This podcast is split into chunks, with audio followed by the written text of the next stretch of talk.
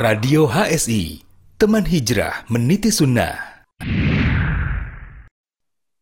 Bismillah, Alhamdulillah, Alhamdulillah hamdan kathiran tayyiban mubarakan fi, kama yuhibbu rabbuna wa yarda.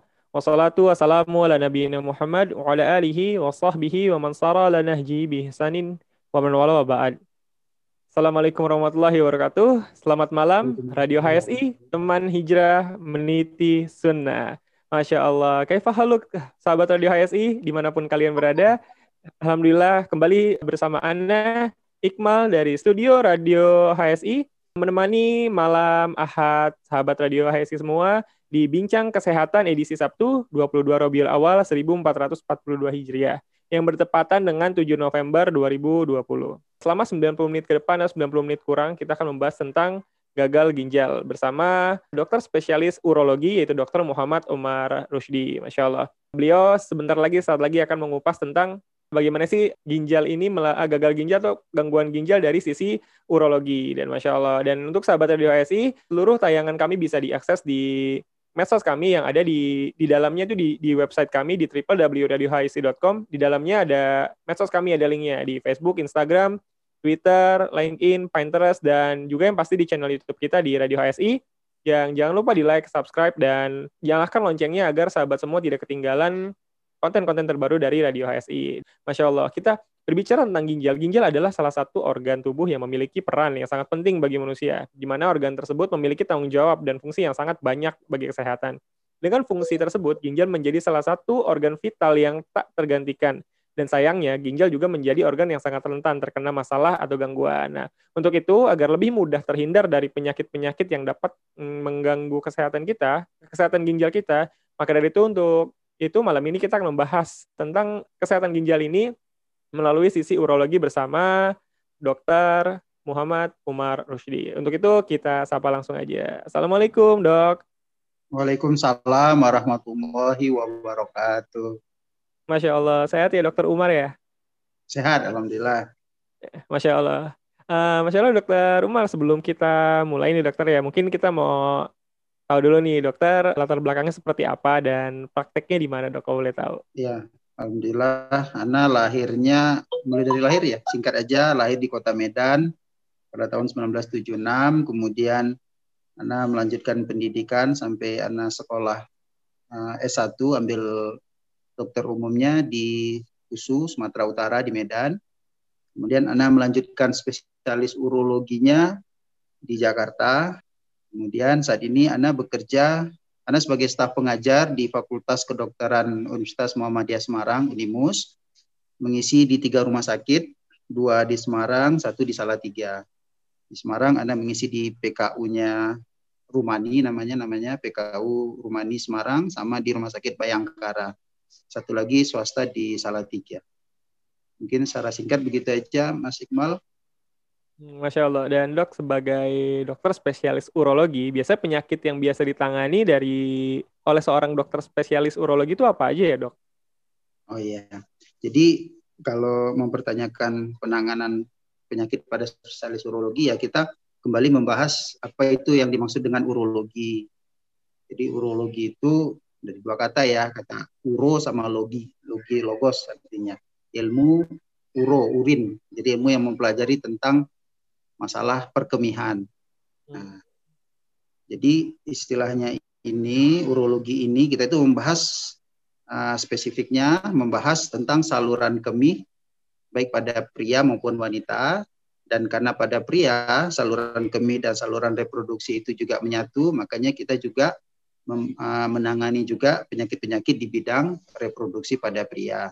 Dan di urologi ini ada sub-subnya nanti, ada pembahasan apa namanya penanganan-penanganan yang spesifik, misalnya tadi kayak reproduksi pria, habis itu masalah saluran kemih, ya urologi pada wanita, urologi pada pria, kemudian mengenai masalah persarafannya lagi dari perkemihan, ya sampai nanti rekonstruksi dan masalah urologi pada anak-anak yang khususnya dan kegawatan urologi dan masalah tumor jadi onkologi urologi dan masih banyak ya spesifik dari urologi yang lainnya. Dan untuk urologi ini ya kita itu menempuh jalur pendidikan secara garis besar ya kedokteran dibagi dua, ada yang penyakit dalam, ada yang dari bedah.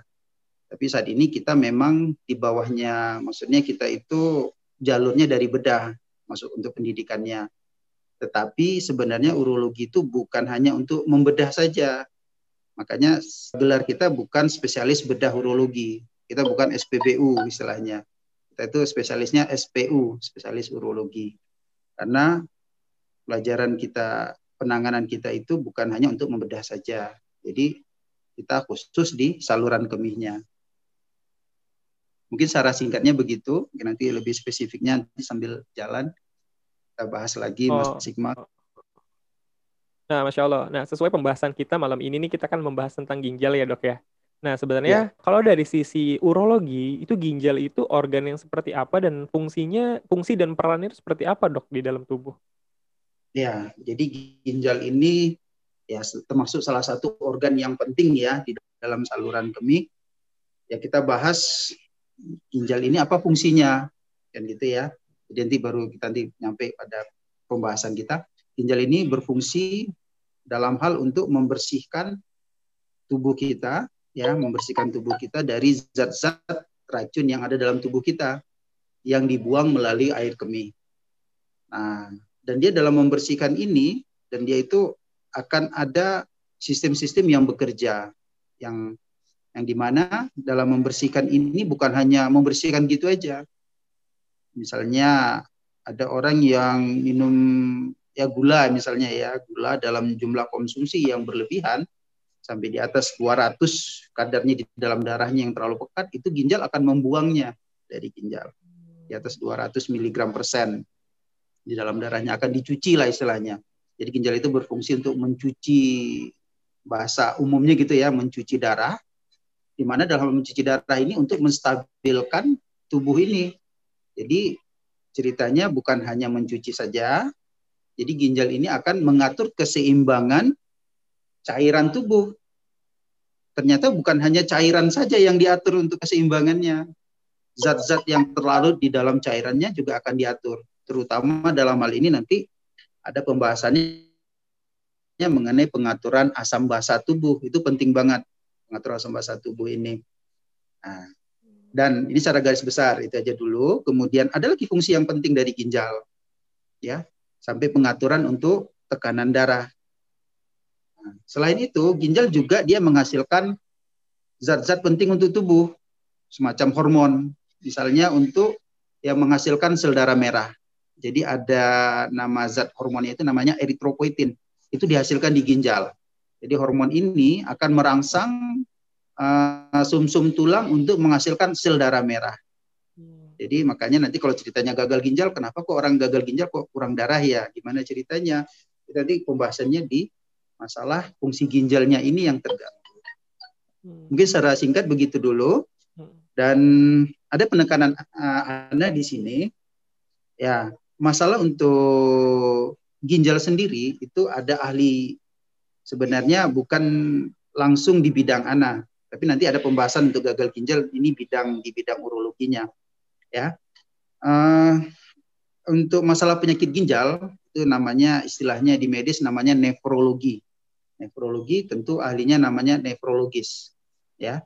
Secara umum nefrologis ini beras uh, ini adalah mereka memperdalami ilmu nefrologi ini setelah mereka melalui pendidikan di penyakit dalam. Jadi mereka ini sudah ahli penyakit dalam dulu, Berbeda dengan anak, mungkin anak uh, dari bedah, tapi dulu ya masanya guru-guru dulu mungkin harus melewati pendidikan bedah, tapi sering waktu kita langsung ambil jurusan urologi, tapi masih uh, dengan bimbingan juga dari bedah umum. Tetap kita mengikuti apanya namanya untuk pendidikannya mengikuti pendidikan bedah umum supaya kita tahu dasar-dasarnya di bedah umum itu gimana. Karena kita membahas nanti untuk pembedahan juga. Sementara yang nefrologi tadi ya, ahli nefrologis itu melalui pendidikan bedah eh melalui pendidikan penyakit dalam dulu. Baru dia melanjutkan mengambil sub penyakit dalamnya itu nefrologi, ahli untuk masalah ginjal. Nah, Dan ada satu lagi yang untuk khusus untuk ginjal ini, ini terutama misalnya ada dokter ginjal pada anak itu khusus lagi, beda lagi. Dia melalui pendidikan nanti dari dokter anak mengambil pendidikan untuk jadi apa namanya ahli ginjal pada anak. Nah, nanti jalurnya seperti itu. Hmm. Dan itu nanti mungkin ketemunya misalnya pada cangkuk ginjal pada anak atau mungkin gagal ginjal pada anak-anak mungkin bisa ketemu di situ kita sama urologi biasanya. Hmm. Ya mungkin bisa dilanjut dulu maksimal aja. Iya, berarti uh, malam ini kita membahas ginjal dari sudut pandang urologi ya berarti ya, Dokter Umar Anda ya. Lebih, ya, insya Allah mungkin Anda lebih menitik beratkan di bidang Anda ya. Iya. Uh, spesialisasi Anda kan di urologi, ya. Karena nah, nanti kalau terlalu ke sana nanti mungkin Anda kurang paham karena kalau di ahlinya di bidang ginjalnya sendiri saja itu nanti itu ada ahlinya nefrologi namanya. Oh, ya. Nah, nah, Dokter Umar nih, kalau dari sudut pandang urologi, Afwan, itu gangguan-gangguan yang biasa terjadi menyerang ginjal tuh apa aja, Dokter? Oh ya, oke. Okay. Jadi dari kalau dari sudut urologi ya semua penyakit. Jadi kita ini istilahnya ahli urologi ini ahli untuk ya kalau di masyarakat kita tuh bagian untuk bersih-bersihin selokannya, hmm. salurannya aja. Nah, jadi kesaluran dari ginjal sampai pembuangan ada bermasalah, ya itu bidangnya di urologi. Terus semua penyakit apa pun ceritanya itu akan ya apa pun ceritanya. Semua penyakit yang menyerang ya yang di bidang urologi ini kalau penyakit ini berlanjut itu menyebabkan fungsi ginjalnya akan terganggu, akan rusak. Akibatnya akan menjadi gagal ginjal. Jadi kita membahas tentang gagal ginjal ini bisa lebih pahamnya begini bahwa gagal ginjal ini artinya dulu maksudnya. Artinya dia gagal ginjal artinya gini ginjal itu tidak bisa berfungsi sebagaimana fungsinya. Ya hmm. fungsinya apa dalam hal ini ginjal ini? Dia dia fungsinya untuk membuang racun-racun dalam tubuh kita. Tubuh kita itu setiap saat akan dilakukan metabolisme ya itu akan dibuang melalui ginjal, melalui paru-paru, melalui keringat, ya. Nah, kalau tidak bisa dibuang yang dari ginjal, makanya disebut dengan gagal ginjal. Kenapa? Ya artinya dia tidak bisa berfungsi ginjalnya. Dan tahapan gagal ginjal itu banyak. Tahapannya ada yang ringan-ringan saja, ada yang sedang, ada yang nah, dan biasanya di apa namanya itu ada di bagi atas 5 5 grade sampai yang terminal itu sampai harus dengan cuci darah. Jadi saya kadang membahasakannya, oh ini masih tahapnya lampu kuning, hati-hati, ini bukan lampu merah, masih masih bisa kita selamatkan gitu ya. Nah, dan supaya lebih pahamnya ini di bidang urologi ini gimana? Jadi pada gagal ginjal ini ada yang di penyebab-penyebab gagal ginjal ini ya apa pun penyakit pada ginjal dan apa pun penyakit di luar ginjal yang mengganggu fungsi ginjal dan menyebabkan ginjal itu rusak, itulah yang disebut dengan gagal ginjal. Artinya ginjal tidak bisa bekerja lagi, apa pun penyakitnya. Nah, secara garis besar kita bagi aja dulu penyebab dari gagal ginjal itu ada yang disebut dengan praginjal, ginjalnya sendiri, atau pasca ginjal. Jadi praginjal ini aliran darah yang masuk ke ginjalnya ada yang terganggu, yang menyebabkan kerusakan di ginjalnya. Kemudian ada yang di ginjalnya sendiri yang sudah mengalami kerusakan atau yang uh, sesudah ginjalnya yang mengalami sumbatan.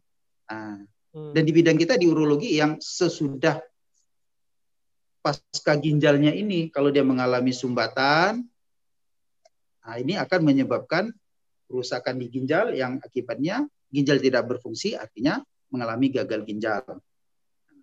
Hmm. Saya coba sebutkan satu persatu dulu. Misalnya Boleh, yang silakan. izin ya, yang praginjal misalnya, yang sebelum ke ginjal. Itu bisa akibat karena kehilangan cairan tubuh itu sendiri. Yang apa namanya? cairan tubuh yang berlebihan. Bisa seperti orang yang memakai obat-obat yang menyebabkan air pipisnya banyak ya, jadi cairan tubuhnya dibuat dikurasnya habis. Contohnya orang mau diet tapi terlalu ekstrim, itu bisa menyebabkan seperti itu.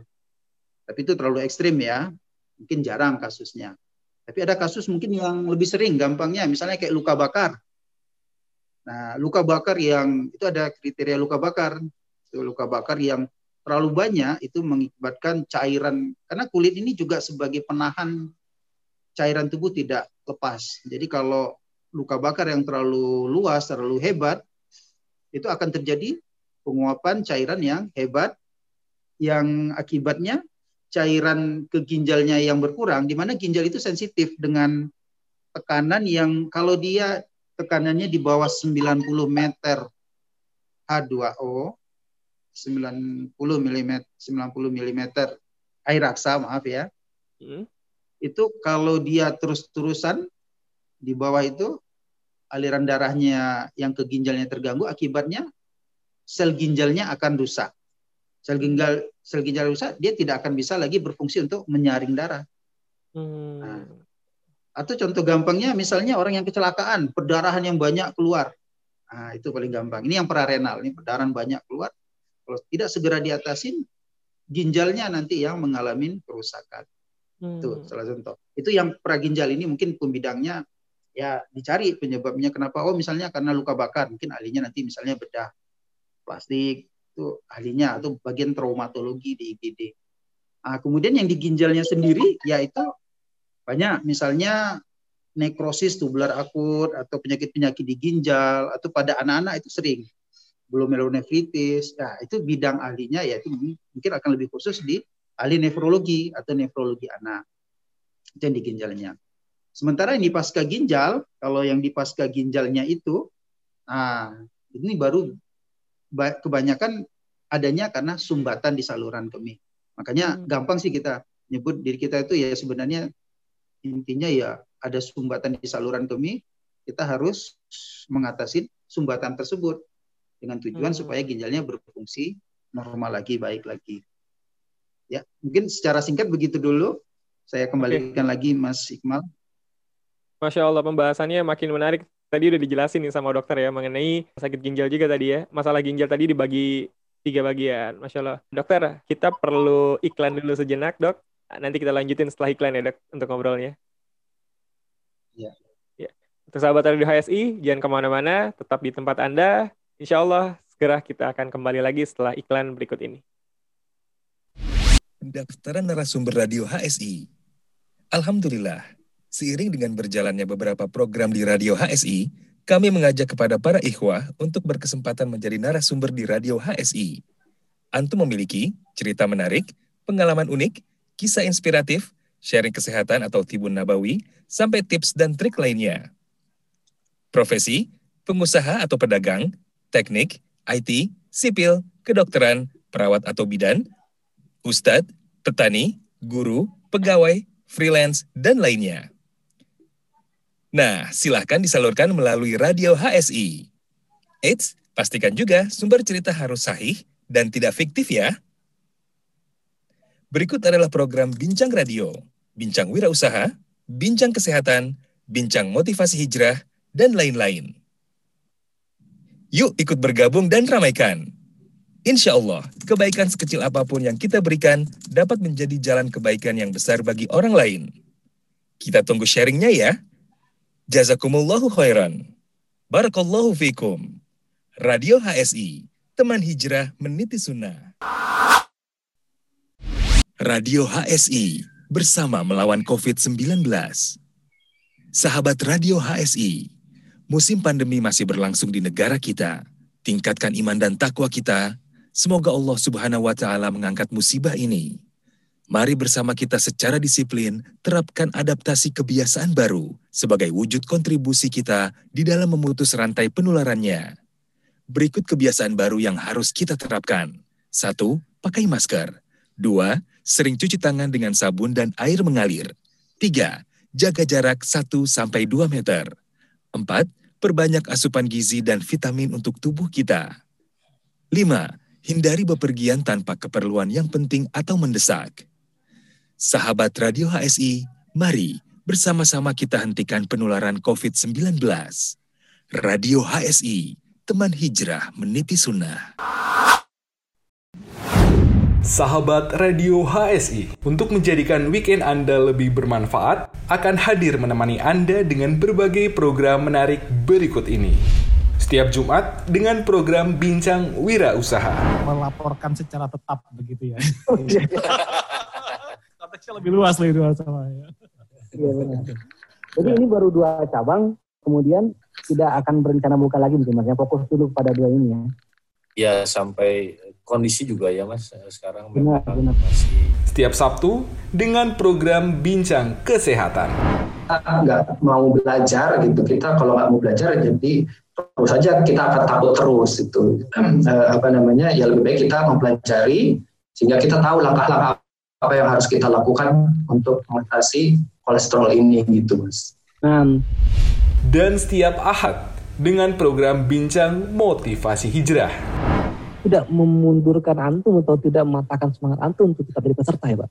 Alhamdulillah enggak ya karena ini se- sebenarnya mimpi anak dari dulu gitu.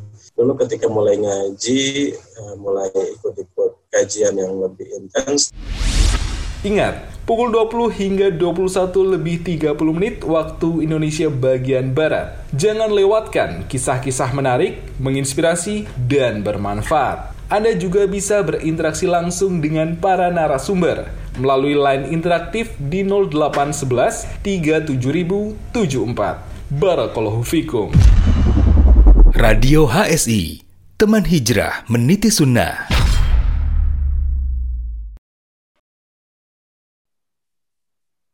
Radio HSI, teman hijrah meniti sunnah. Masya Allah.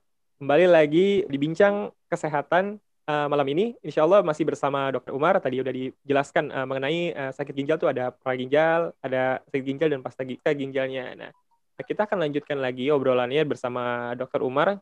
Oke, kita kembali lagi bersama Dr. Umar. Nah, Masya Allah, Dr. Umar, tadi kita kan eh, udah membahas ya pembagian-pembagiannya. Nah, sebenarnya kalau misalkan nih, dok, gejala ada nggak sih sebenarnya kalau kita gagal ginjalnya nggak sih dok? Ya, gejala gagal ginjal ini secara umum kemungkinan ya biasanya gejala gagal ginjal itu tidak dirasakan bagi pasien. Kenapa tidak dirasakan uh, berat bagi pasien? Karena ginjal itu sendiri kan membuang racun. Salah satu racunnya mungkin yang kita bisa bicarakan urim, urium ya. Urium racunnya itu dalam tubuh itu nyaman bagi pasien tersebut. Itu membuat semacam endorfin bagi tubuhnya, membuat nyaman tubuhnya, semacam kayak uh, menghilangkan rasa sakit bagi pasien. Jadi orang gagal ginjal itu tahu-tahu, loh, kok saya disebut gagal ginjal ya? Ya, cuman datangnya cuman lemas-lemas saja, kok gini? Kok tahu-tahu disebut gagal ginjal. Itu yang di apa? Yang yang mungkin harus di, diwaspadai pada orang-orang yang mungkin yang lemas-lemas, yang cuma datangnya biasa-biasa saja, uh, harus harus waspada kemungkinan bisa disebut dengan gagal ginjal. Hmm. Penting dijaga kebiasaan sehari-hari, insya Allah nggak ada sampai seperti itu, ya. Dan tanda-tanda yang lain ya, mungkin yang tidak apa namanya, atau mungkin jumlah pipisnya yang sangat sedikit, itu mungkin juga bisa disebut dengan uh, gagal ginjal.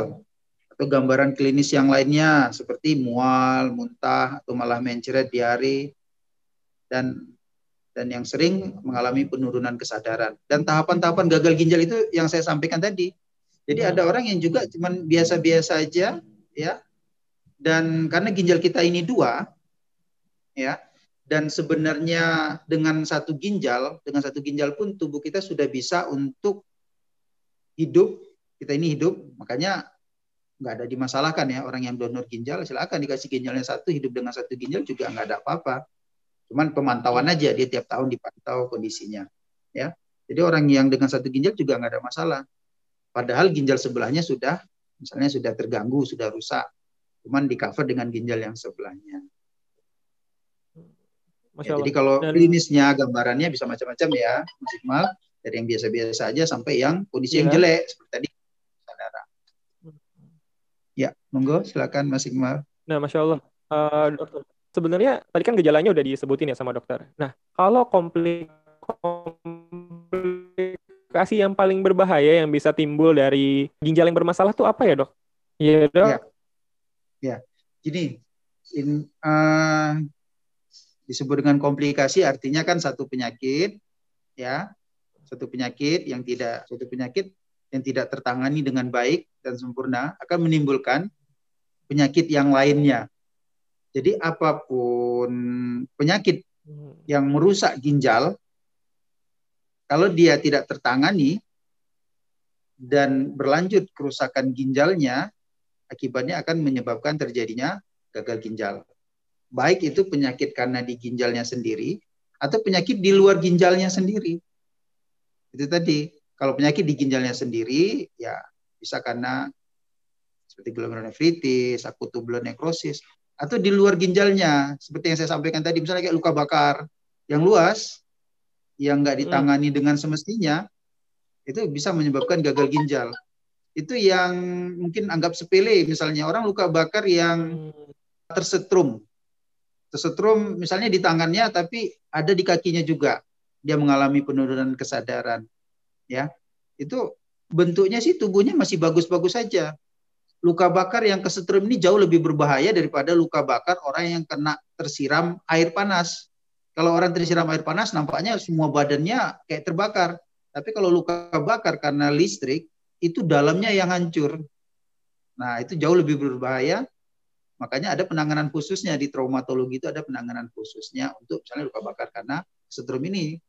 Yang ditakutin itu tadi kerusakan ginjalnya. Makanya apa pun penyakitnya ya yang merusak ke ginjal menyebabkan ginjal tidak berfungsi, itulah yang disebut dengan gagal ginjal.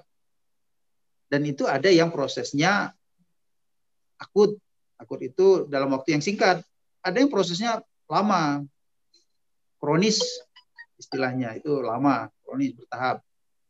Dan ya di bidang kita urologi karena kita di bidang masalah tadi yang saya bilang salurannya itu kalau misalnya kayak batu hmm. orang ngalamin batu yang gede ya tahu-tahu dia datang loh kok diponis gagal ginjal? Padahal nggak ada rasa sakit apa-apa. Kalau batu yang gede di ginjal itu nggak membuat sumbatan secara langsung, tapi sumbatannya bertahap pelan, pelan, pelan. Kenapa? Karena batu yang gede itu seperti kayak karang. Jadi masih ngalir juga airnya. Nah, ada yang pecah batunya nyumbatin tapi masih bisa pipis. Tapi lama-lama ginjalnya rusak. Hmm. Karena terbendung dengan bendungan yang ditekan dari uh, saluran ginjalnya. Hmm. Ya. Terus pembahasan gagal ginjal ini ada yang mungkin saya perlu tambahkan satu lagi. Saya nekankan gini ya, mungkin saya bisa membahasakannya secara bahasa umum. Organ ginjal ini kita bisa seumpamakan misalnya organ ginjal ini seperti misalnya sekolah. Nah, sekolah. Apa fungsinya sekolah? Sekolah untuk tempat mendidik siswa. Nah, di dalam sekolah itu ada jadi organnya namanya sekolah ya, organnya. Kalau kita ini kan tubuh namanya ginjal. Di dalam sekolah itu ada yang berfungsi untuk sebagai fungsi utama. Hmm. Fungsi utama di situ adalah pendidik. Ya, guru dalam sekolah yang berfungsi itu adalah guru. Sebenarnya dalam sekolah itu kan banyak kan yang profesi yang bekerja dalam sekolah. Ada tukang sapu, yeah ada keamanan satpam mungkin, ada bagian keuangan, banyak macam-macam toh. Apakah hmm. bagian satpam yang menghasilkan pendidikan, menghasilkan apa uh, lulusan anak didik? Tidak kan? Nah, seperti juga organ ginjal. Di dalam ginjal itu ada yang berfungsi untuk itu tadi yang untuk menghasilkan cairan tubuh itu tadi untuk menghasilkan membuang zat-zat sisa itu tadi. Namanya nefron. Kalau di sekolah namanya guru ya kan. Nah, hmm. jadi selain kalau di organ ginjal itu namanya nefron. Selain nefron ada juga yang lain, ada sel saraf di situ, ada pembuluh darah, ada nanti misalnya di bagian penghasil hormon, sel-sel makula densa, ada yang lain-lainnya. Nah, tapi ada yang berfungsi khusus untuk organ ginjal itu tadi. Ada orangnya di situ. Orangnya yang namanya nefron. Itu satu ginjal ada satu juta nefron ginjal satu lagi ada satu juta nefron. Nah, cerita kerusakan ginjal itu apabila nefron ini yang terganggu. Nefron ini dia menyaring racun-racun dalam tubuh kita. Ini nefron ini yang kalau dia terganggu maka akan terjadi kerusakan ginjal. Ya. Nah, kalau ini mungkin agak spesifik pembahasannya ya saya lebih lanjut. Tapi secara umum apa pun yang penyakit yang merusak ginjal akibatnya ginjal tidak berfungsi itu yang disebut dengan gagal ginjal. Dan gagal ginjal yang terbanyak bukan karena sumbatan dari saluran kemih, secara populasi yang terbanyak itu karena adalah seperti kayak hipertensi atau diabetes mellitus itu yang terbanyak. Itu yang terbanyak hipertensi atau diabetes mellitus. Makanya ahlinya nanti ahli ginjal dan hipertensi. Jadi nggak hanya membahasanya ginjal aja, ginjal dan hipertensi. Karena banyak di sana, makanya ahlinya berangkat dari penyakit dalam. Kemudian tadi Afwan ya, anak kok lari-lari. Pembahasannya di mana tadi pertanyaannya? Masya Allah tadi uh, pembahasannya tentang komplikasi sih komplikasi uh, masalah kom komplikasi yang paling berbahaya timbul di ginjal nggak apa-apa dok tapi ini masya Allah pembahasannya bagus banget soalnya nah, anda juga sampai nyimak banget iya izin jadi komplikasi itu maksudnya gini apa pun yang penyakit yang tidak tertangani dengan bagus atau yang dibiarkan dan penyakit itu mengganggu fungsi ginjal dan sehingga ginjal tidak berfungsi akan menyebabkan gagal ginjal. Ya, jadi komplikasi apa yang paling menakutkan? Ya, komplikasi ya penyakit yang tidak ditangani yang menyebabkan ginjalnya rusak. Oke, ya, hmm, Afan. Naam, naam, dok, masya Allah, masya nah, Allah. Ini anak ada pertanyaan tadi. Oke, okay. tapi udah hilang. Dok, tadi udah dijelasin ya sama dokter Afan. Tadi dokter juga ngejelasin ya sempat menyinggung bahwa salah satu gejalanya kalau ginjalnya bermasalah pipisnya dikit-dikit ya dok ya. Tadi sempat dengar ya. anak.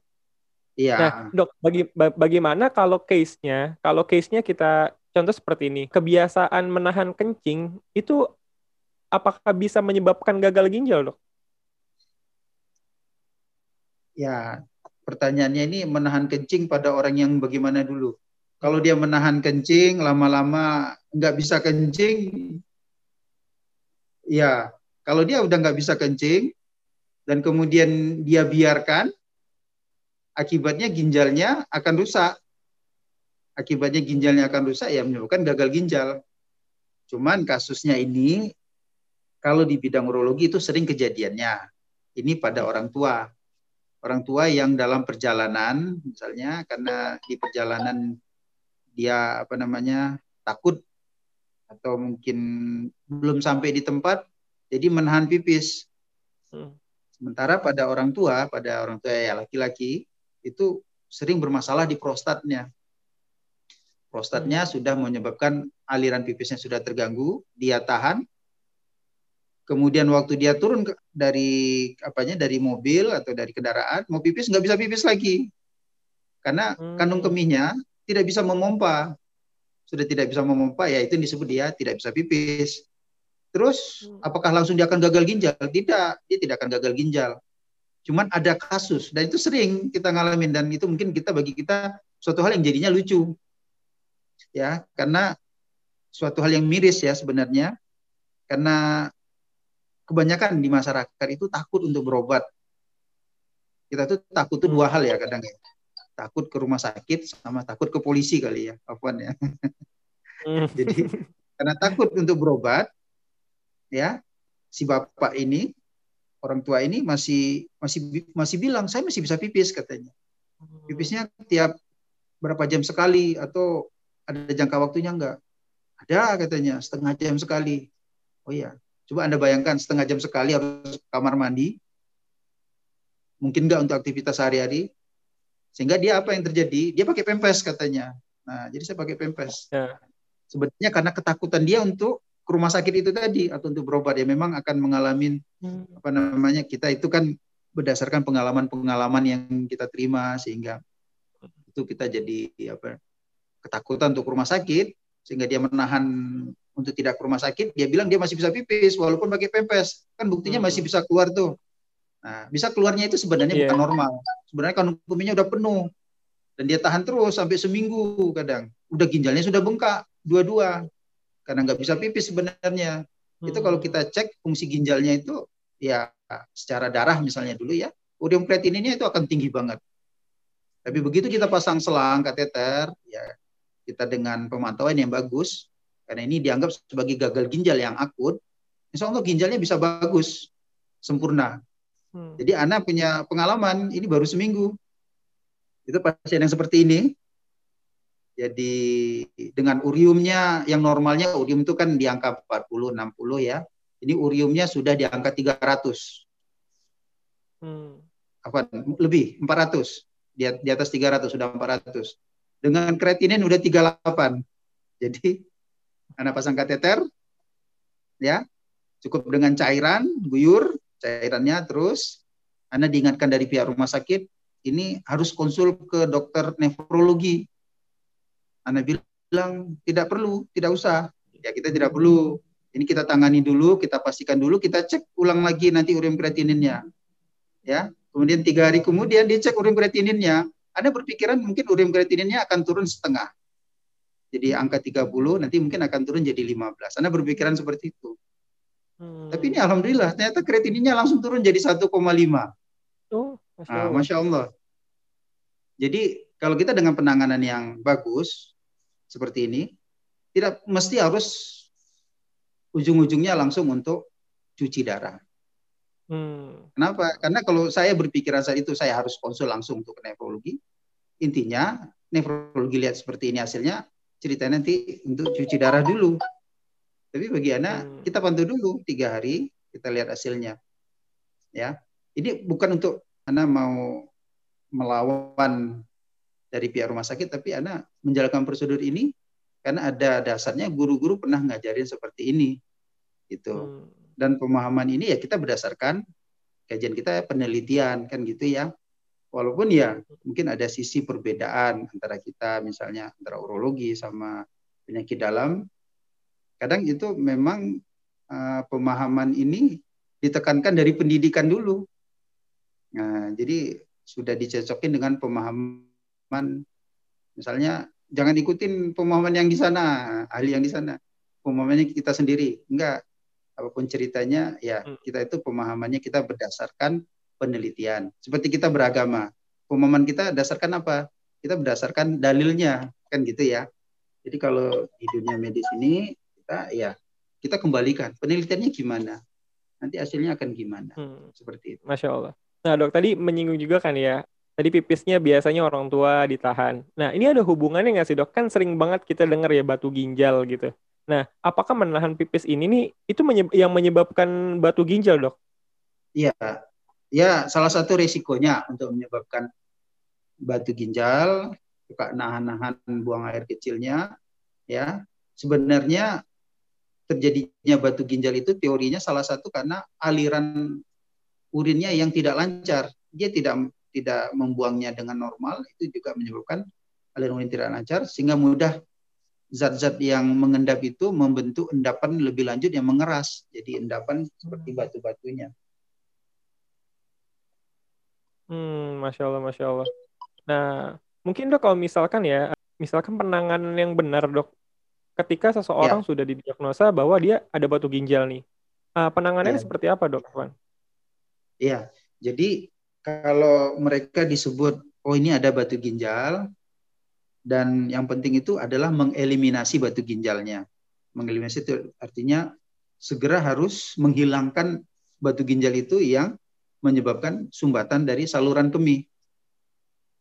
Ya, hmm. kalau sumbatan saluran kemih ini dibiarkan numpuk-numpuk itu tadi bisa menyebabkan gagal ginjal. Mungkin prosesnya tidak tidak langsung ginjalnya rusak, mungkin akan prosesnya bertahap. Ginjalnya itu akan menyebabkan terjadinya gagal ginjal. Dan dalam hal ini penanganan, kembali lagi, penanganan batu ginjal itu banyak. Ya, mulai dari kebiasaan hidup, kemudian dengan medikamentosa, kemudian dengan tindakan-tindakan yang macam-macam. Ada yang tindakan yang tidak invasif, misalnya seperti ESWL, ekstrak shock wave lithotripsy itu memecahkan batu dengan gelombang kejut. Itu ditemukan oleh hmm. seorang ahli Jerman karena dia melihat pesawat tempur yang lewat itu kan di pelabuhan di bandara itu kacanya bergetar. Bahkan ada kaca yang pecah. Tapi orang lewat aja. Kenapa pesawat apa namanya pesawat supersonik itu jadi dari supersonik itu ditemukan adanya energi yang bisa memecahkan benda yang keras.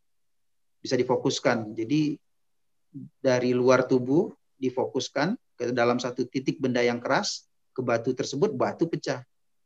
Kalau dititikkan kepada tulang, tulang pun bisa pecah. Bisa pada misalnya penanganan osteofit, itu bisa ada pengobatan yang pada tulang osteofit yang menyebabkan nyeri punggung misalnya ya. Tapi itu bidangnya ortopedi ya mungkin ya. Tapi di bidangannya ya masalah batu. Ada penanganannya yang selain itu ada yang minimal invasif. Itu misalnya dengan istilahnya apa ya? Dicoblos dari pinggang, dimasukkan alat monitor, batunya dipecahkan ada yang ya dengan diteropong, dilihat ke dalam, dipecahkan, ada yang dengan laser, mungkin lebih khususnya, atau ada yang dengan operasi terbuka. Itu ada kriterianya nanti itu semuanya. Dan itu kita ya istilahnya ada pedomannya untuk itu tentu semuanya kembali ke data-data penelitian. Masya Allah, Masya Allah. Nah tadi udah dijelasin juga sama dokter nih sahabat dari HSI mengenai gimana sih penanganan nih batu ginjal? Dok Afwan, ini udah ada beberapa pertanyaan yang masuk di kita. Segera kita bacakan pertanyaan ya dok ya. Untuk mungkin ya. tadi dari lain interaktifnya udah masuk pertanyaan yang mungkin nih udah nggak sabar dijawab sama dokter. Nah, dok, kita masuk ke pertanyaan ya dok ya, Afwan? Ya, ya. ya dari dari Fatimah, pemeriksaan awal apa saja yang akan ginjal dapat menimbulkan anemia? Afwan tafadhol dok. Afan, kalau anemia ya tentu dari darah rutinnya. Kemudian tapi sebelum dicek labnya ya tentu dari klinisnya dulu gejalanya lemas. Kemudian dari pemeriksaan fisiknya kita lihat konjungtiva dari matanya ya dari mata dari sebagian bawahnya itu anemis, mukanya pucat. Tapi tahapan anemia juga ada tahapan-tahapannya juga ada yang paling berat anemia grafis kalau HB-nya udah di bawah 5 dan orang yang gagal ginjal biasanya batasan itu beda sama orang yang normal darahnya. Kalau yang orang normal harus diangkat di atas 10, tapi kalau orang yang dengan gagal ginjal itu di atas 7 masih dianggap normal. Hmm. Orang yang gagal ginjal di bawah 7 baru dia dianggap tidak normal. Makanya tadi ginjal itu fungsinya bukan hanya untuk penyaring apa namanya kotoran tubuh, bukan hanya untuk mengatur cairan tubuh, tapi dia juga ada memproduksi hormon namanya yang saya bilang tadi eritropoietin salah satunya selain hormon-hormon yang lainnya yang mengatur tekanan darah juga itu diatur dari ginjal juga selain dengan sistem kerjasama sama organ-organ yang lainnya. Apa mungkin yang saya tangkap tadi cuma anemia ya? Iya, apa tadi ada pertanyaan sebelumnya pemeriksaan awal apa saja yang akan dilakukan untuk mengetahui gangguan fungsi ginjal dok? Ya pemeriksaan awal untuk mengetahui fungsi ginjal itu dari kalau kita sebagai dokter kita dari penelitian fisik, kemudian dari klinisnya, kemudian dari laboratorium. Yang paling awal itu kita melihat racun di dalam ginjalnya yang biasanya stabil dalam tubuh kita, yaitu urium sama kreatinin. Ya, jadi penelitian diketahuinya oh ternyata kreatinin sama urium ini tubuh kita akan menghasilkannya itu stabil. Kalau ternyata racun dua racun ini banyak di dalam tubuh, ya itu yang di mana fungsi ginjal yang membuangnya ternyata tidak dibuangnya artinya apa? Artinya ginjalnya tidak berfungsi. Di mana kreatinin di atas dua, nah, itu sebagai tanda bahwa ini sudah akan berlanjut, artinya dia sudah mengalami gagal ginjal. Cuman masih di angka 2, sedikit sekian, mungkin gagal ginjalnya masih ringan. Tapi kalau sudah nanti misalnya kreatininnya di atas puluhan atau di atas 8, ya mungkin harus dengan cuci darah ke depannya. Ya. Mungkin itu dulu tahap awalnya. Dan nanti akan ada pemeriksaan-pemeriksaan yang lebih khusus. Selain laboratorium juga ada pemeriksaan imagingnya kalau untuk menilai fungsi ginjalnya langsung biasanya itu dengan yang paling khusus itu yang paling pemeriksaan yang paling tepat untuk menilai fungsi ginjal itu namanya renogram. Renogram itu dimasukkan dilihat gimana nefron tadi kalau saya bilang tadi sekolah ada gurunya, itu akan dilihat nefronnya itu bagaimana kondisi nefronnya langsung. Itu namanya renogram. Hmm. Nah, tapi ada juga pemeriksaan-pemeriksaan yang lain, ya mungkin BNOIVP atau CT scan atau yang lainnya itu imagingnya. Dan ada juga sebenarnya pemeriksaan-pemeriksaan dari laboratorium yang lain yang mungkin lebih spesifik selain kreatinin. Nah, mungkin seperti sistitinnya dicek ya biasanya itu uh, biayanya jauh lebih mahal. Mungkin apa sampai situ aja dulu. Mungkin kita lanjut aja dulu. Monggo. Masya Allah, Masya Allah. Semoga tadi Mbak Fatimah bisa mendengarkan jawaban dari dokter dan bisa mengambil manfaat dari jawaban dari dokter ya, Masya Allah. Oke, Dokter Umar, uh, untuk pertanyaan selanjutnya dari line interaktif kami dari nomor 0856 9595 sekian sekian sekian. Apakah pasien gagal ginjal perlu melakukan diet sehat tertentu? Saudara Ana sudah dua tahun cuci darah. Dulunya gemuk, sekarang kurus banget. Katanya gagal ginjal setelah mengikuti program diet keto. Tolong dijelaskan, dok. Tafadol, dok. Maksudnya mengalami gagal ginjal karena melaksanakan diet. Iya, di sini keterangannya Bukan. seperti itu pertanyaannya, dok. Ya, karena uh, mungkin diet yang terlalu apa namanya ekstrim ya, itu akibatnya bisa merusak ginjal. Tapi ya untuk menilainya kan kita harus menilai kasus per kasus. Nggak bisa saya membahas ini kasus pada orang tersebut. Oh iya, ini karena dietnya yang salah. Belum tentu kita harus lihat kasusnya dan itu ya yang menilai nggak bisa hanya dari istilahnya tanya jawab seperti ini. Gitu. Mungkin gitu aja dulu, bisa lanjut yang lain kalau ada pertanyaan yang lain. Oke, masya Allah. Semoga membantu dok. Afwan, mungkin Anda pengen mengkulik sedikit ya dok. Ya, memang mungkin ya misalkan uh, melakukan diet ketat gitu dok, itu bisa mempengaruhi ginjal dok. Iya, kalau nggak benar dietnya akan merusak ginjal ya. Hmm. Kalau dietnya nggak benar, ginjalnya yang rusak. Hmm. Misalnya gimana ya, nggak makan, habis itu minumnya yang sedikit, sehingga produksi urinnya yang juga sedikit, hmm. ginjalnya bekerjanya akan lebih berat lagi. Makanya masya Allah ya apa ya yang diajarkan Nabi puasa itu itu malah membuat ginjal kita akan makin sehat. Jadi kita jangan apa namanya cairan tubuh itu bukan ditentukan dari apa yang kita makan. Nah ini apa namanya ada ahli yang menyampaikan bukan ditentukan apa yang masuk dari apa yang kita masukkan dari makan atau minum, tapi ditentukan oleh ginjal kita yang bekerja. Terus kalau ginjal kita yang bekerja ini ahlinya, cuma sampai situ aja pernyataannya. Terus anda tambahkan. Jadi kalau mau sehat gimana? Puasa. Hmm. Sama puasa kan jauh membuat kita sehat. Jadi salah ada anggapan orang, lah, jadi kalau puasa nanti itu kan artinya nggak ada cairan ginjalnya akan rusak. Bukan begitu ceritanya. Puasa yang yang yang rusak itu ya kalau puasanya tujuh hari tujuh malam nggak makan nggak minum ya iya rusak ginjalnya. Hmm. Mungkin bukan ginjalnya aja, seorang-orangnya juga rusak. Ya. Masya Allah, Masya Allah. Kita aja dulu, ya. Oke, okay. oke dok, kita lanjut ke pertanyaan selanjutnya ya dok ya. Ya. Dari Umu Furqon, Apakah pasien gagal ginjal akut masih ada kemungkinan untuk bisa sembuh, dok? Adakah tanda-tanda tertentu jika keadaannya membaik atau dapat dikatakan sembuh? Tafadol, dok. Ya, gagal ginjal akut itu perlu penanganan yang tepat. Dan perlu di apa dasar dia gagal ginjalnya tersebut.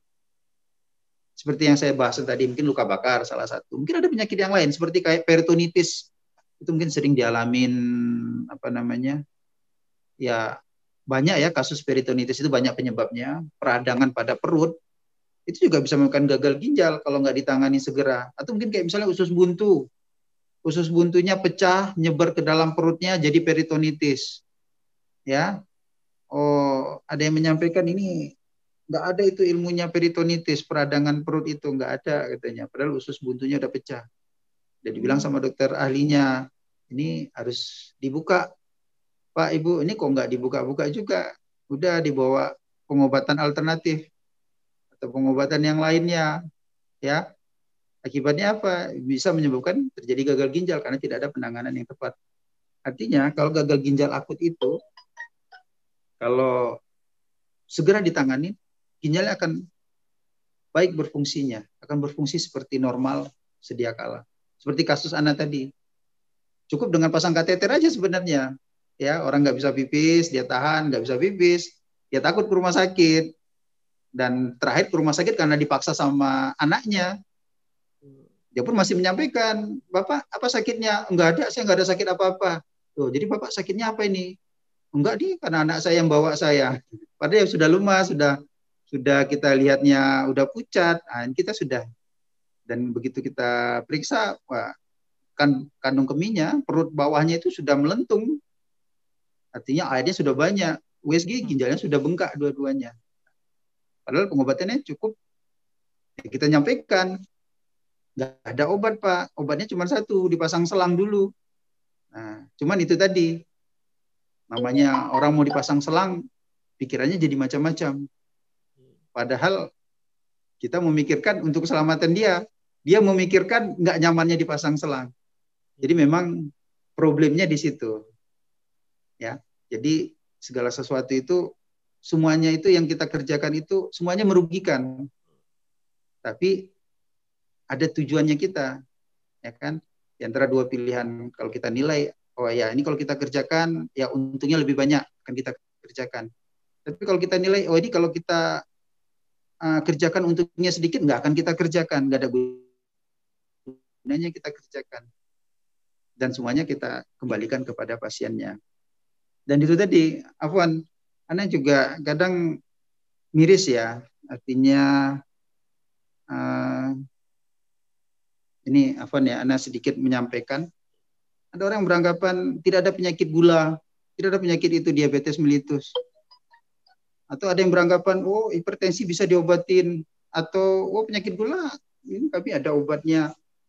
Ya, itu ada pemahaman-pemahaman yang istilahnya sebenarnya ini adalah istilah medis. Dan penyakit itu kita udah ketahui masalahnya. Tapi kenapa itu dibelokkan pemahaman seperti itu? Dan apa ini banyak di kita yang mengenal sunnah, terlanjur kita istilahnya ya kita miris gitu. Karena kita dianggap Oh, kalau yang dokter itu kan itu ahli konvensional. kalau kami ini ahli yang sebenarnya. Jadi istilahnya seperti misalnya menganggap obat itu kan, oh jangan itu bahan kimia obat itu. Hmm. Itu miris banget pernyataan seperti itu. Kita nggak perlu pakai obat, obat itu bahan kimia. Kita perlu pakai ya apa? Bahasanya kita herbal. Ada bahkan menyebutkan, oh ini kita ini tibun nabawi. Tibun nabawinya dari mana kok? bahan bahannya bukan nggak pernah Nabi yang nyampaikan kok bahan kumis kucing kok tibun nabawi dari mana kan gitu ya jadi kalau mereka nyebutkan misalnya obat ini bahan kimia lebih parah lagi nasi. Nasi yang kita makan sehari-hari itu kan karbohidrat. Nah kalau saya cerita tentang ini nasi itu kan karbohidrat. Hidrat karbohidrat. Kalau gugus kimianya kan ada C6, H12, O6, N, ya. Karbohidrat artinya itu dia ini sebagai sumber energi kita. Ada gugus kimianya. Terus boleh nggak saya menyebutkan nasi itu bahan kimia? Terus nasi itu bahan kimia? Nggak usah. Kita nggak usah makan nasi ya. Itu bahan kimia saya bilang. Ya ini salah pemahamannya. Kita kadang dibalik-balikkan. Dan kita nggak akan mungkin bisa berdebat dengan seperti itu. Nggak mungkin. Karena pemahamannya istilahnya kayak kontroversi. Uh, ini orang yang pemahaman oh corona itu nggak ada. Nah, gimana kita mau berdebat sama orang yang pemahamannya corona nggak ada? Ya nggak mungkin gitu. Ya mungkin sama kayak kita misalnya pemahaman orang bid'ah. Nggak mungkin kita lagi mau berargumentasi karena pemahamannya sudah berbeda. Ya. Masya Allah. Uh, oke lanjut ke pertanyaan selanjutnya ya dok ya. Ya. Dari nomor 08 12 89 33 sekian sekian sekian sekian. Apakah gagal ginjal dapat mempengaruhi kesehatan atau kekuatan tulang? Jika iya, bagaimana cara mengatasinya, dok? dok? Iya, seperti yang saya sampaikan tadi, ginjal juga mengatur uh, metabolisme. Dia menghasilkan zat hormon juga, dia mengatur metabolisme elektrolit dan apa namanya mineral-mineral yang ada di dalam tubuh. Itu kalau dia terganggu, sehingga bisa menyebabkan kerusakan kalau pada tulang ya tentu salah satunya mengalami kerusakan pada tulangnya. Kerapuhan ya, kerapuhan pada tulangnya. Tafadol, monggo selanjutnya. Oke, Masya Allah. Berarti bisa ya dok ya, bisa menyebabkan hal tersebut ya, kerapuhan tulangnya bisa dari ya, situ ya? Kerapuhan pada tulangnya. Hmm, Itu kembali lagi pada fungsi ginjalnya secara umum. Ya. Hmm. Oke. Dok, mungkin ada pertanyaan juga nih dok yang uh, sempat pengen ditanyain. Uh, pernah nggak sih dok menemukan kasus ada sebagian masyarakat yang bilang bahwa batu ginjal nih maupun infeksi saluran kencing bisa disembuhkan dengan cara dipijat. Apakah hal tersebut benar dalam medis dok? Itu bisa dibenarkan nggak dalam medis dok? Dalam hal dari, dari, dari sudut pandang medis apa okay. Mas Iqmal yang anda tangkap siap siap uh, batu ginjal ya diobatin dengan cara di dipijat dipijak atau dipijat ah, betul. ya terserah lah uh, dan sakitnya kan sakit di pinggang ya karena sakit oh ini sakit di pinggang makanya dipijak. Hati-hati juga dipijak itu saya ngalamin kasus dipijak sama anaknya. Ginjal-ginjalnya bukan batunya yang keluar tapi ginjalnya yang yang terpaksa harus kita keluarkan. Jadi trauma ginjal jadinya. Dipijak kuat karena kesakitan pinggangnya, ya. Dan ini hati-hati, itu tidak dibenarkan, tidak dibenarkan dengan cara dipijat. Ya, kalau sakit pinggangnya bukan karena masalah di batu ginjal, mungkin boleh sakit pinggangnya bukan di batu ginjal. Dan sakit pinggang itu bukan dominan penyebabnya karena di ginjal. Walaupun kita sebagai urologi sering menerima pasien-pasien dengan keluhan nyeri pinggang. Nyeri pinggang ke kita, kita minta USG dan kita juga udah nilai dari awal ini bukan di bidang kita, ini lebih cocok mungkin di bidang namanya neurologi. Nah, neurologi itu di bidang saraf atau mungkin dokter ahlinya ortopedi yang lainnya. Nah, mungkin nanti pentingnya ya fisioterapi ke depannya ya misalnya ya lama di perjalanan jauh gitu ya itu bidangnya tapi kalau dipijat karena ada batu ginjal hati-hati bahaya ini batu ginjal yang nyumbat saluran kemih itu menyebabkan nyeri pinggang. Nyeri pinggangnya namanya kolik kesakitan banget. Dia posisi apa aja salah semua. Duduk salah berdiri salah sakit. Itu pas nyumbat total. Kalau sumbatannya hilang ya atau setengah hilang sumbatannya mungkin hanya pegal-pegal aja lagi. Tapi masih nyumbat. Begitu nyumbat total lagi, kesakitan lagi. Dan pada saat dia nyumbat total, itu ginjal itu bengkak. Dan saat pada ginjal bengkak, kemudian dipijak, hati-hati, pecah ginjalnya. Itu pernah saya ngalamin dapat kasus, walaupun itu kasusnya jarang sekali. Trauma ginjal karena dipijak sama anaknya, dipijat. Tujuannya sih karena dia bilang sakit pinggang, dipijat. Waktu itu dia nggak menyangka kalau itu dia mengalami ada batu ginjal ya. Cuma dia pikir sakit pinggang biasa karena perjalanan jauh, dipijat tahu-tahu kok jadi trauma ginjal, malah dibuka ya terpaksa. Jadi risikonya jadi berat. Hmm. Ya, tunggu Tafadal selanjutnya. Oke, okay, pertanyaan selanjutnya nih, dokter dari Adi. Jika seseorang sudah terkena gagal ginjal, bolehkah berolahraga? Olahraga seperti apa yang dianjurkan bagi pasien gagal ginjal? Tafadol, dok. Iya, jadi pada pasien yang gagal ginjal, jadi nanti kan kita kembali lagi dulu ya. Itu ada gagal ginjal kronis, ya tahap terminal, dan kita di Indonesia biasanya penanganannya itu dengan bahasa umumnya cuci darah. Istilah medisnya hemodialisa. Tetapi ada penanganan yang lain sebenarnya untuk penanganan gagal ginjal itu. Ada penanganan dengan peritoneal dialisa bukan dengan hemodialisa, peritoneal dialisa. Kalau peritoneal dialisa ini yaitu dengan peritoneum, artinya dengan perut. Peritoneum itu artinya perut. Rongga perutnya dijadikan sebagai mesin pencuci darahnya. Nah, itu kita juga banyak melakukannya, tapi tidak populer untuk di Indonesia. Kenapa? Karena pertama pasien-pasien yang gagal ginjal itu sering dari pasien yang ada mengalami infeksi, ada hipertensi, ada DM dan juga masalah infeksinya. Jadi makanya tidak tidak familiar dengan peritoneal dialisis. Artinya hmm. cuci darah dari perut, cuci cuci darahnya dari perut. Itu pasiennya sebenarnya cukup di rumah aja, cuman dia ngambil apa namanya cairannya itu, ngambil cairannya cukup keluarganya nanti dikerjakan di rumah. Nah, ada satu lagi ya selain yang yang dua tadi yang saya sebut, satu lagi adalah dengan cangkok ginjal. Ya, cangkok ginjal ini jauh lebih bagus kualitas hidupnya ke depan dibandingkan dengan hemodialisa tadi dengan cuci darah tadi bahasa umumnya. Kenapa?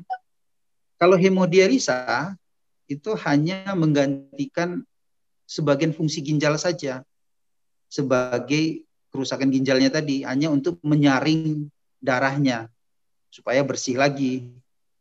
Tapi kalau dengan cangkok ginjal dia dikasih ginjal yang baru ya kasih ginjal yang baru sementara fungsi ginjal itu kan bukan hanya menyaring darah doang.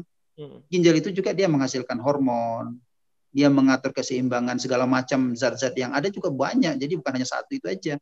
Kalau dia dengan ada ginjal yang baru, jauh kualitas hidupnya akan terbantu. Cuman untuk penanganan transplantasi atau cakok ginjal ini bukan hal yang gampang dan hanya pada center-center pendidikan atau mungkin rumah sakit-rumah sakit yang lebih besar gitu. Mungkin tidak semua tempat Nah, jadi di sini kalau saya cerita tentang cangkok ginjal, itu leadernya nanti itu komandannya itu di bidang ahli nefrologis ahlinya. Tapi nanti ada timnya. Sampai nanti ada timnya dari kerohanian, dari ustadz juga ada hmm. timnya kaliannya.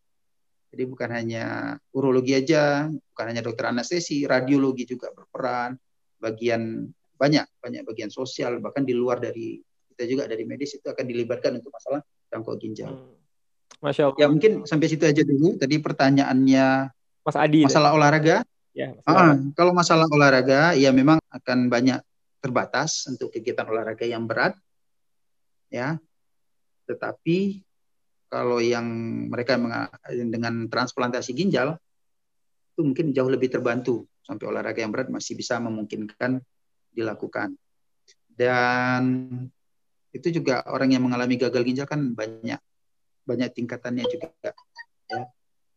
Dan dan biasanya kalau yang udah dengan cangkok ginjal bisa olahraga yang berat tapi dia harus menjaga kemungkinan ginjal cangkoknya itu kena waktu dia mengalami apa waktu dia mengadakan olahraga. Makanya tidak dibolehkan olahraga misalnya yang kayak tinju atau yang sepak bola. Karena ginjalnya itu ditanam uh, di bawah perut di bagian bawah itu lebih lebih ya banyak tempat sih tapi biasanya di perut bagian bawah disebut dengan panggul ya misalnya pelvis itu lebih mudah kena trauma.